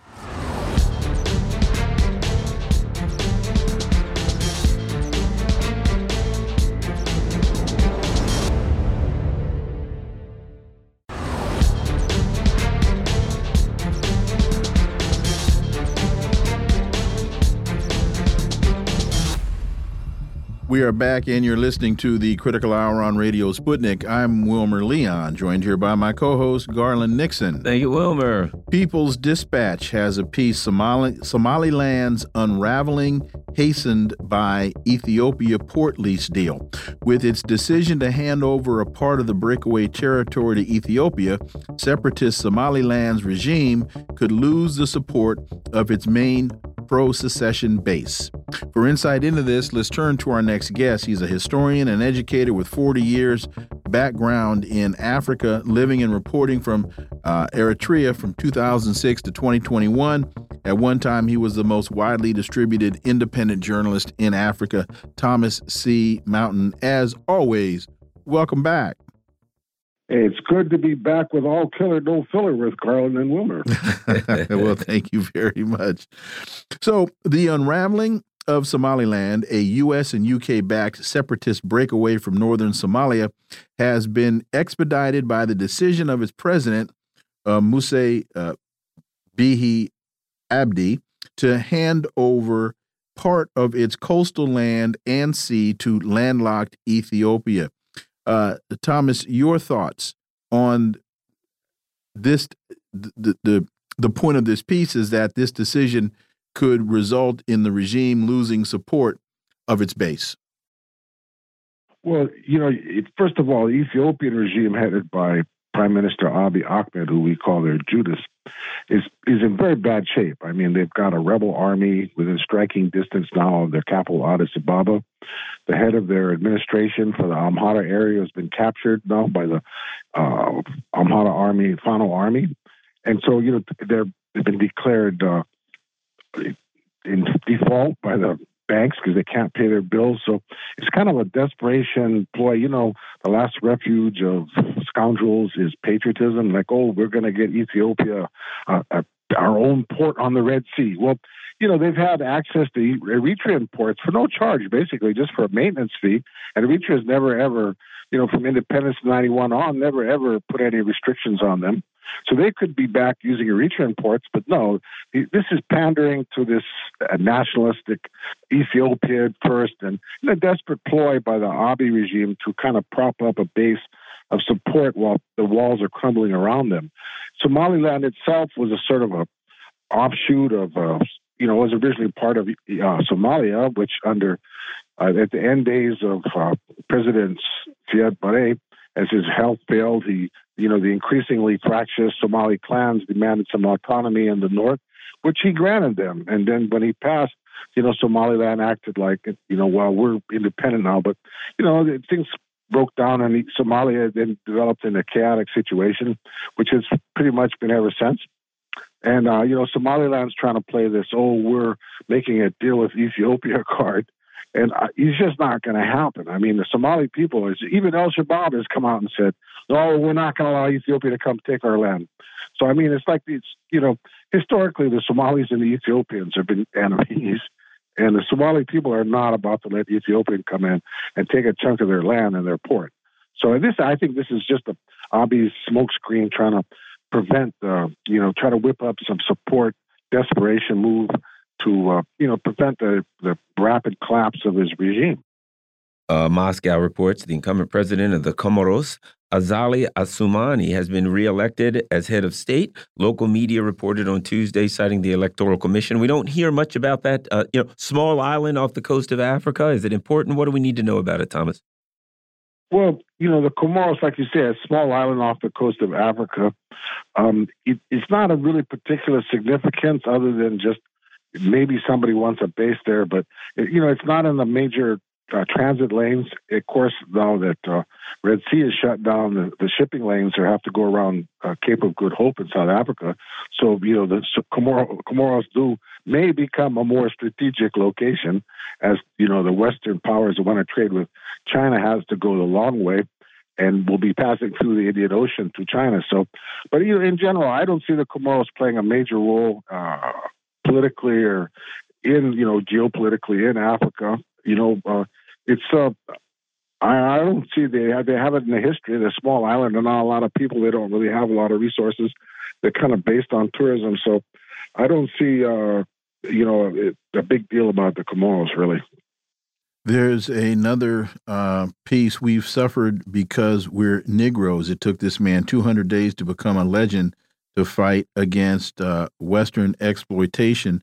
Talking about uh, 63 years ago, the first prime minister of an independent Congo, Lumumba, was brutally murdered on the orders of the West for supposedly being a danger to the very system it was upholding. Your thoughts? Well, you know, there's, there's chaos in the Congo, and Congo is a huge resource rich country that's been brutally exploited by the West um, you know, it's it continues to be brutally exploited by the West. Uh, you've got some local players like uh, Kagame in Rwanda, you know, sticking his finger in there trying to get some cash to prop up his regime through black market mining and other things. But you know, they just had an election in the Congo, and Tshisekedi won the election again. The last time he was elected, the polls all showed him in third place. And so what did they do? They just basically refused to allow voting in the opposition, his opposition strongholds, the people that were supporting the guy that was the front runner. And so they just rigged the election. And this all went through, you know, fine and dandy with the Western so-called democracies because they got the guy they wanted. So, uh, you know, he's a he's basically behind the scenes. Joseph Kabila continues to play a, a Wool pulling the strings and, and help you know getting his share of the cut as the is the all these resources a lot of critical resources in the Congo continue to be ripped off by mainly by Western countries. So you know the Congo is sort of in a bad way. Uh, it was interesting the assassination of Lumumba. uh, you know, one of the top CIA guys in uh, the Congo was had his body after he'd been tortured to death in the trunk of his car, driving around looking for some place to dump it.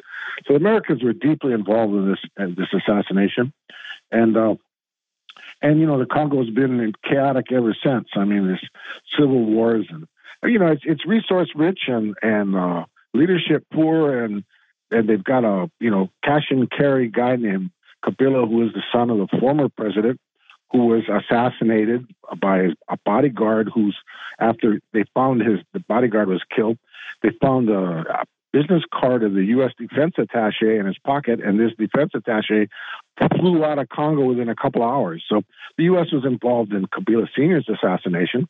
You know, destabilizing the, the policy is crisis management. Create a crisis in the Congo, whether they secretly, overtly, or secretly uh, support these uh, so-called warlords and militias to keep them fight the, the Congolese people fighting each other, so that uh, you know, create a crisis and then manage the crisis. The better to exploit the Congress, the Congo people, so the resources of the Congo. I think that's continuing to go on. Thomas, what do you think about you know the the young blood, Ibrahim Ibrahim Traore over in Burkina Faso, and the comparisons that have been made to him of, for instance, a you know a, a, um, a Thomas Sankara or Patrice Lumumba? Um, is it too early to make that uh, those kind of comparisons? And what are your thoughts on that?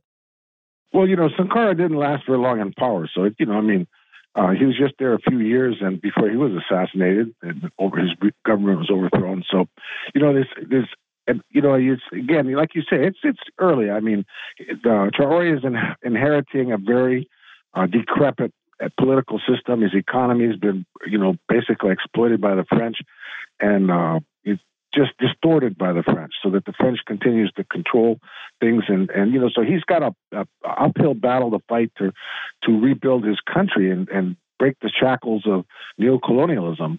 So you know, he's got a long way ahead of him. He's a young guy. He's got some hard uh, hard lessons to learn.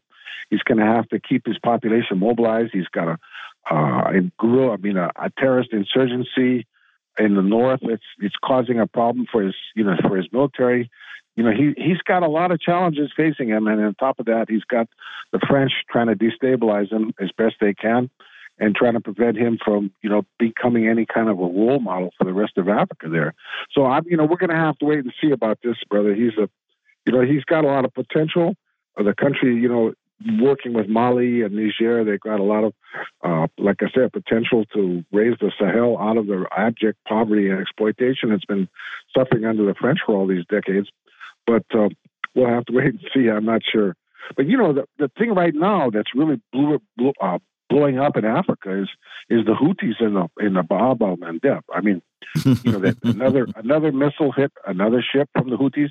You know, it's interesting that the, you know the Houthis sent a missile after against the U.S. warship. They just sent one missile. I mean, if you want to hit a warship, you, are going to send at least six or seven or eight missiles at one time to overload their defense system. So this is more like a symbolic act on the on the behalf of the Houthis. The Ansarallah is what they, they call themselves. I mean, they're named after the Houthis, which is Al Houthi family that's the head of their movement. So we just say Al the Houthis as sort of their nickname, right? But um, you know, the fact that they, they they're not really having the Houthis don't really want an all-out war with the United States. What they want to do is shut down the traffic by Israel and their supporters to the Red Sea because what what the Palestinians now are suffering in Gaza was what the Houthis suffered from. The, the Yemeni people suffered from 2015 to 2022. They were being bombed mercilessly with U.S. supplied bombs by the Saudi Air Force. They had a uh, genocidal blockade of food and medicine imposed upon them. Uh, you know, three, four hundred thousand people died. A lot of children died from starvation and sickness because of this blockade. I mean, they've seen, they experienced for seven years what the people of Gaza have been experiencing for 100 days. And they're not going to sit back and say, hey, look, this, they did it to us, but it's okay to do it to them. No, you know, they're making a point, and they've been very effective about it because by just shooting a few missiles here and there, hitting some ships, they're forcing, you know, everybody to avoid the Red Sea, have to go a long way around South Africa. And a lot of people don't realize the journey around South Africa it goes to what's called the Roaring Forties, which is some of the roughest ocean in the world. They get these huge storms that generate waves 40, 50, 60, up to 100 feet tall. You know, it's a famous uh, graveyard for shipping.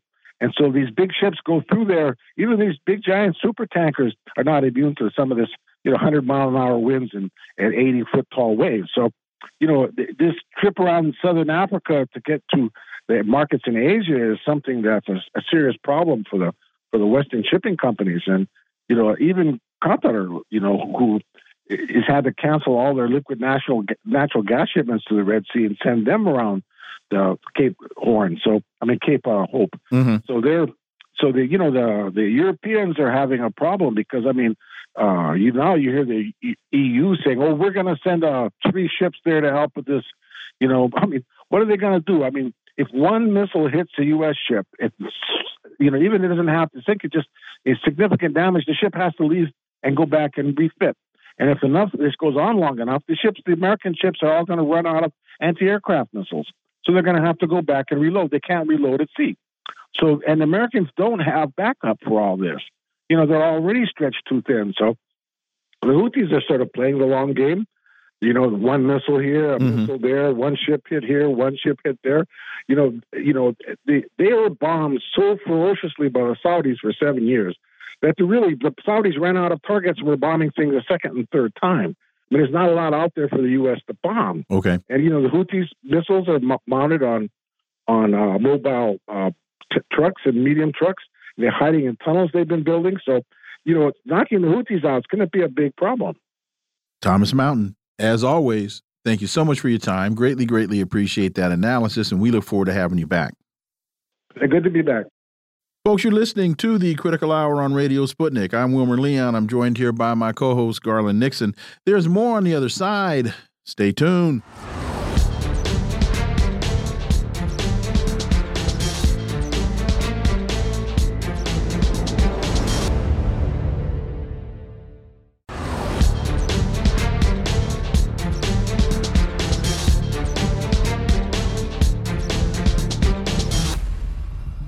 We are back, and you're listening to the Critical Hour on Radio Sputnik. I'm Wilmer Leon, joined here by my co host, Garland Nixon. Thank you, Wilmer. Sputnik International reports U.S. UK form new partnership to fight biological threats. That's not a good idea. The UK and US are launching a new partnership to join forces in countering biological threats under the One Health principle that also covers cooperation for the development of vaccines, the UK government has announced. For insight into this, we turn to our next guest. He's an independent journalist whose work can be found at Substack and thepolemicist.net, Dr. Jim Kavanagh. As always, Jim, welcome back. Thank you for having me, guys. So the piece continues. The UK has taken a critical step forward in protecting the nation from increased biological threats uh, uh, as of January 16th, as it announces a new strategic dialogue on biological security with the U.S. You know, Jim, I don't get a great sense of security when I read an article that says two of the nations that have been uh, critical in developing biological warfare are now talking about partnering together to fight biological threats. Is that just me being uh, superstitious and and and my being um, uh, what's the word I'm looking for? Uh, well, you get my point, Jim. Yes, I do. Conspiratorial. That's what I'm looking for.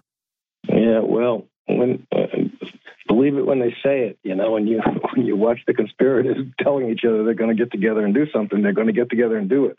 Uh, you know, this is extremely dangerous, and and the nastiest thing about all this is, you know, this, we, this is what happened during COVID, and we saw it, and it came at us in a very powerful way, and a lot of people are taken aback by it, and still don't want to recognize it. They found a way on the on the premise of health and safety and disease and sickness to, to have a fear mongering tactic that's that appeals to a lot of people.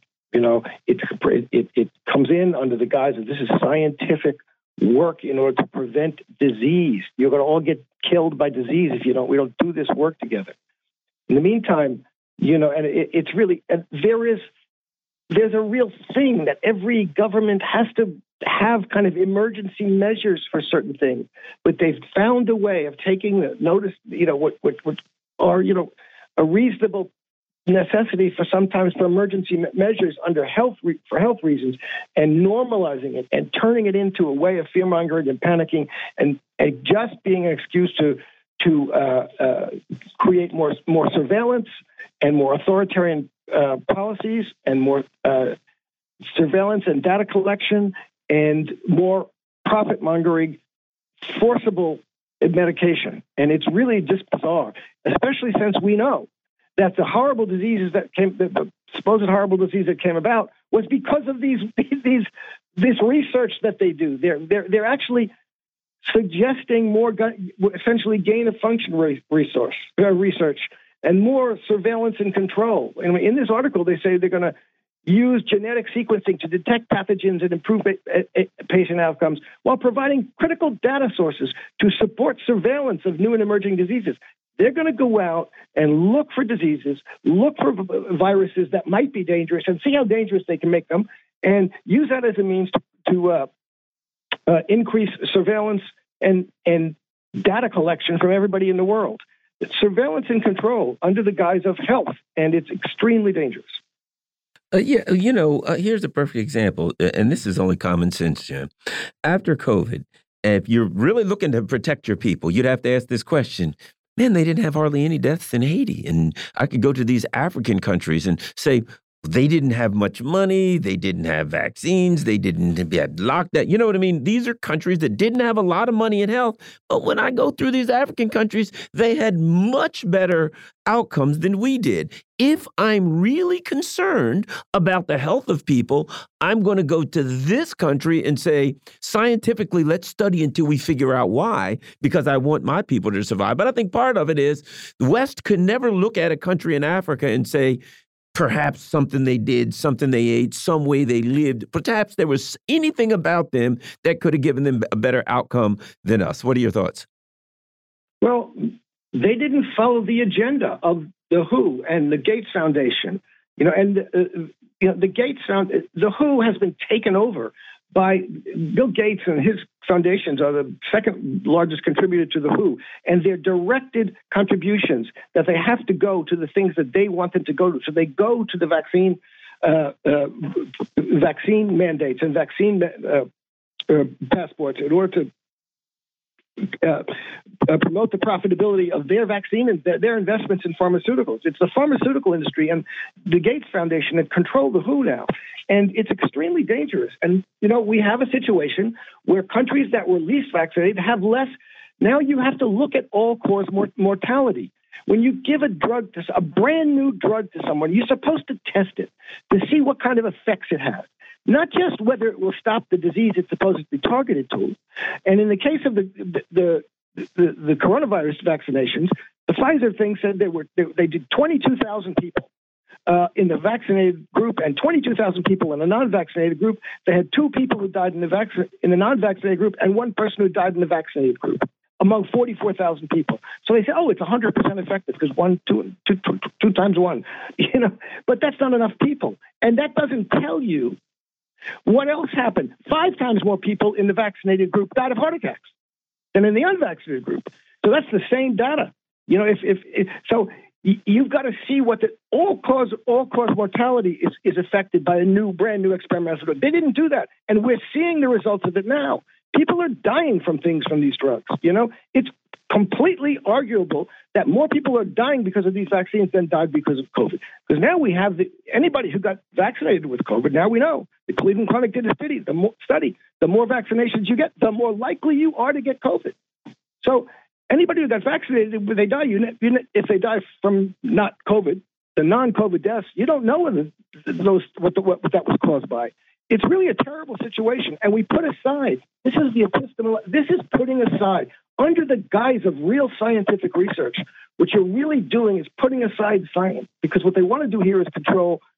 Not only the, the, the WHO is going to have the right under these new treaties to control the work that's done and to mandate to countries you must put lockdowns. You must have a, va- a mandatory vaccination program, and you must restrict the information that contradicts what we did. All through the COVID thing, they, they restricted the information that contradicted the CDC. Now it's going to be you have to restrict information that contradicts the WHO.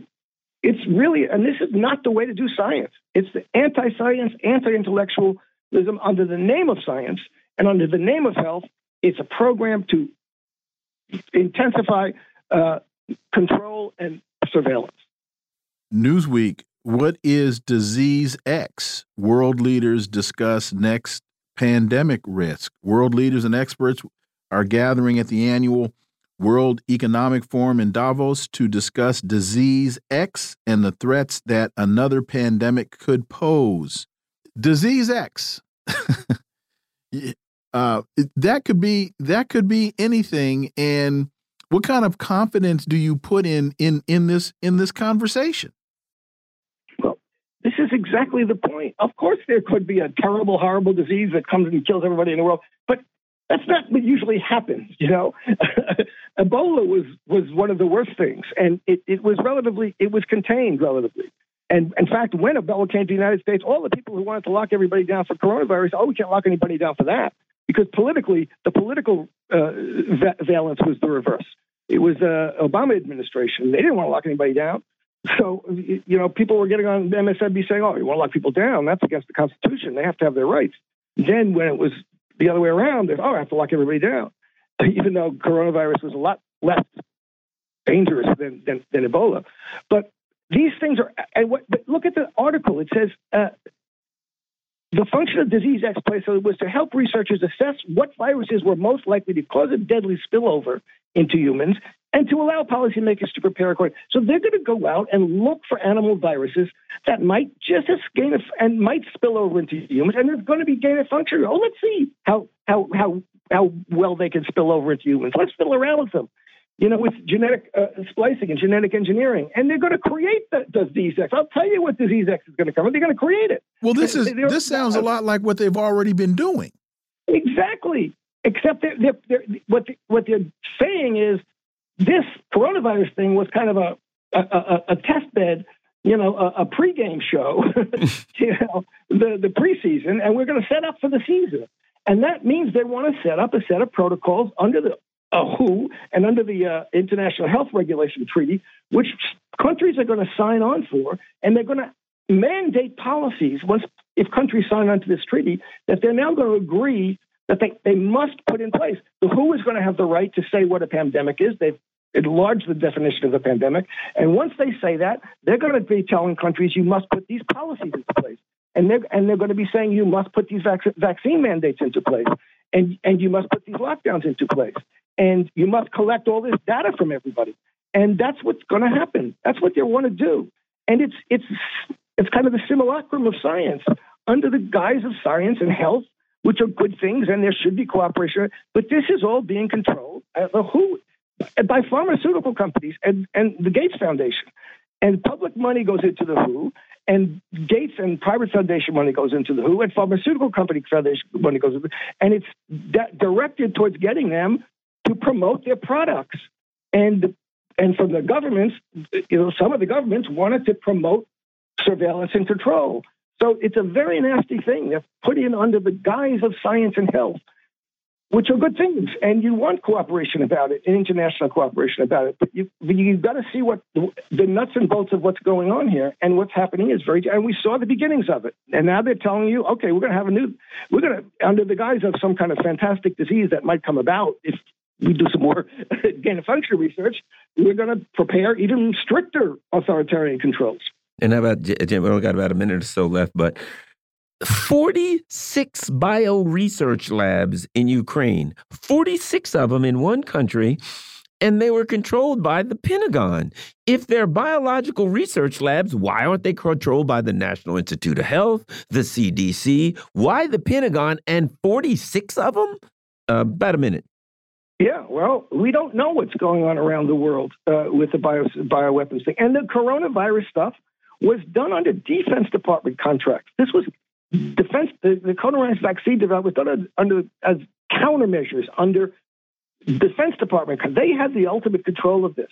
And it's very bizarre. You've got to look into it. I, I don't know what's going on around the world with these, these biosecurity and bioweapons complexes and the level at which, you know, uh, what's the plan here? What are they doing? They've, we know that countries have been looking for ethnically targeted bioweapons, and uh, and what's the what's the plan? So they don't want to ha- have these things. These they outsource these these uh, bioweapons or biosecurity labs to countries like Ukraine and Georgia, and that woman reporter did a great job on that, of reporting on those in Georgia. But nobody know, really knows what's going on here. And when we see what happened in Wuhan, that was an outsourcing things that we're not supposed to do in the United States. So we'll fund it doing it over there in conjunction with Chinese scientists, and you end up with well, who knows. And this is what's going on. And uh, there's hard to distinguish now between bioweapons and real bio biochemical research for health purposes because they're all actually behind the scenes under the control of the Defense Department. Dr. Jim Kavanagh, as always, thank you so much for your time. Greatly, greatly appreciate that analysis, and we look forward to having you back. Thank you. Folks, you're listening to the Critical Hour on Radio Sputnik. I'm Wilmer Leon. I'm joined here by my co host, Garland Nixon. There's more on the other side. Stay tuned.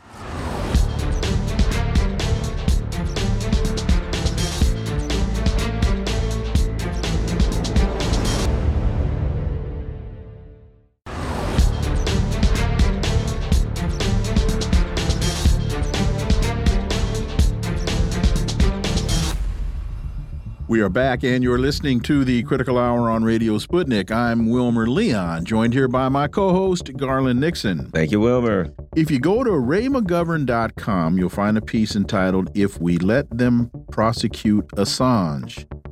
And uh, we will we let a publisher go to prison?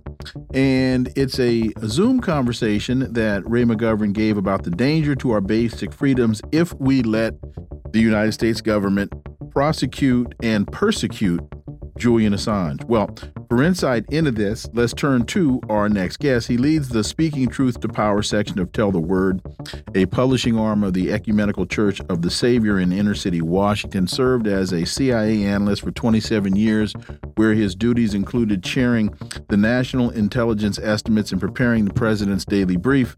And in two, January of 2003, he co created Veteran Intelligence Professionals for Sanity, and he is Ray McGovern. As always, Ray, welcome back. Thank you. So, you open your piece with the footage of the U.S. military attack on Iraqi civilians and American journalists in Baghdad. And why did you open the piece with that? And again, tie that to the prosecution and persecution of Julian Assange? Uh, good question. Uh, the footage there is sort of annotated or commented on as it goes along.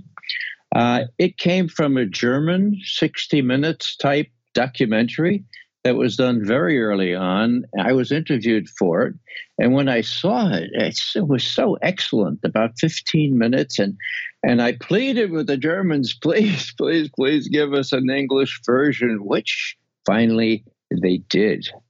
And uh, the first seven minutes of that thing is what I showed, mm-hmm. and uh, it shows exactly why they why they hate Julian Assange, exposing this kind of brutality during the so-called surge into uh, a part of Baghdad where most Shia were. It was the work of Bobby Gates and General Petraeus enlisted uh, to do this deed after Donald Rumsfeld, for God's sake, said, Oh my God, this isn't working. We ought not to go any further on this path. Cost, well, to Americans, almost a thousand more soldiers killed uh, to Iraqis. Well, we don't count Iraqis, uh, but there were several times that many. So this was the surge. And when Bradley Manning, now Chelsea Manning, saw that, uh, well, he, she had a conscience, right? And they said, God, America needs to know about this.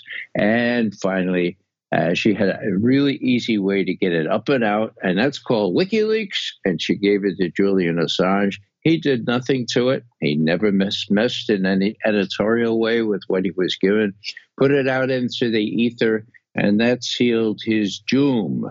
Very shortly thereafter, uh, they got him on on the most the most damaging arrow in the in the quiver of intelligence services and and media.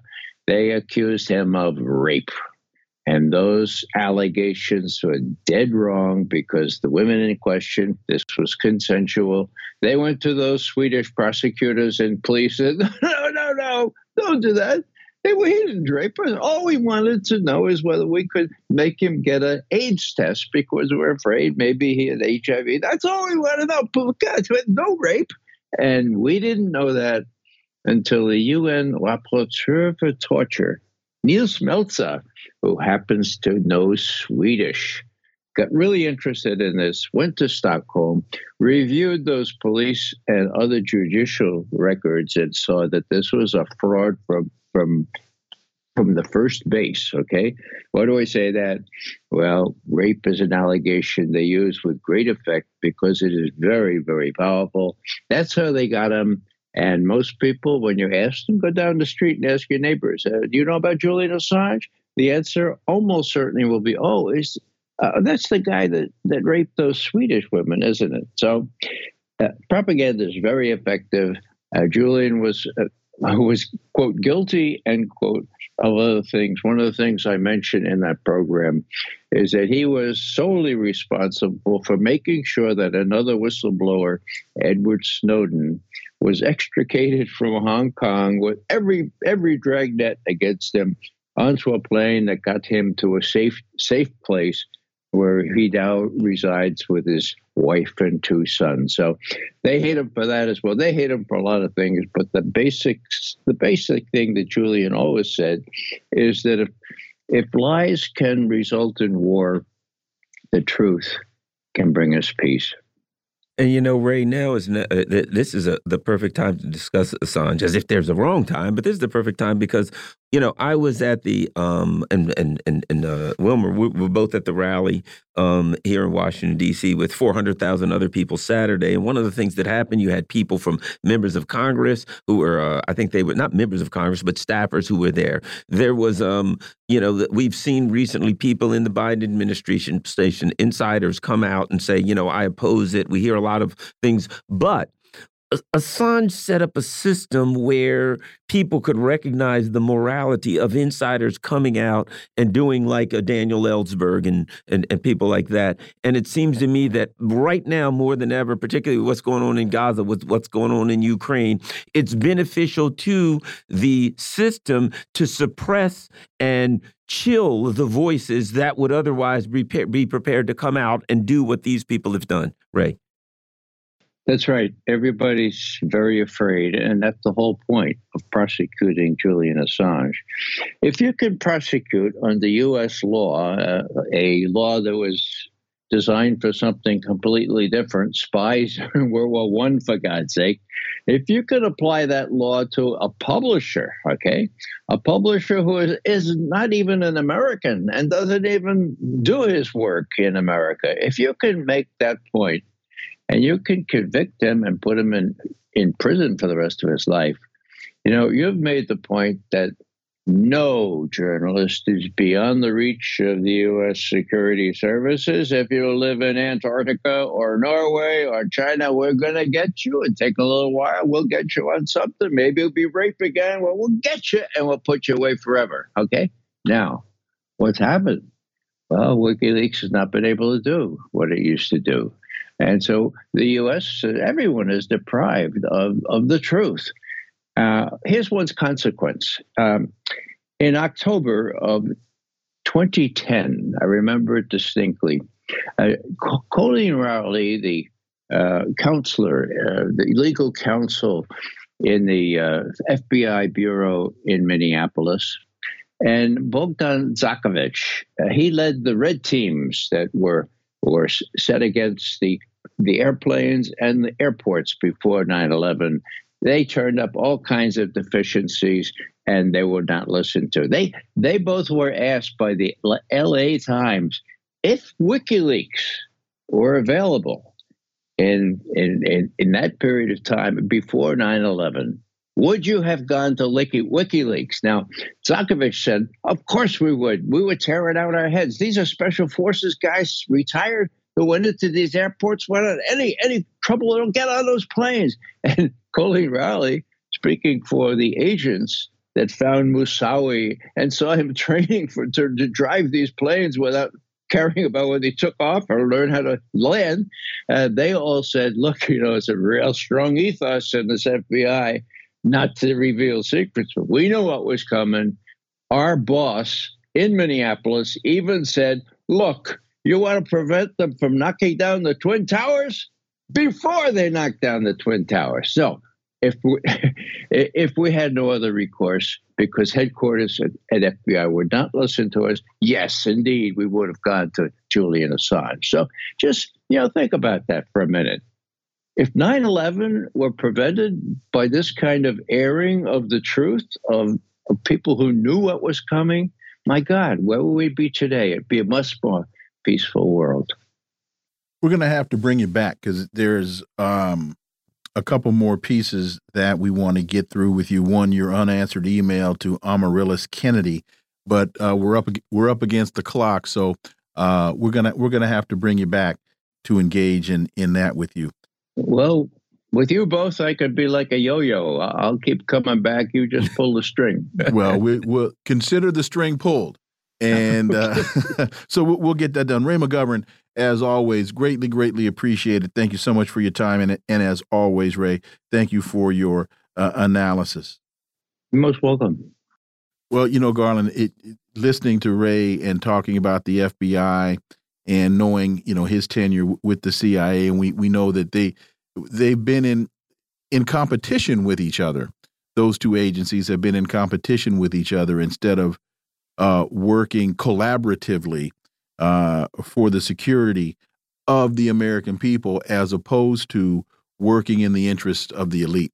And when it comes down to it now, you know, I've come to the conclusion that the FBI is effectively some kind of a, you know, like when you're in a totalitarian state, they always have this police that separate, that, you know, uh, looks into people and that, uh, you know, looks into what people are doing, keeps the people down, opposes uh, uprising, things of that nature, just like a guard for the ruling elite. And that's the way the FBI come across. They're, they are an intelligence agency that's posing as an as a, as a law enforcement agency. But what we've learned is they're all about intelligence for the ruling elite. And as we see fascism on the rise, and folks, yeah, I use the F word.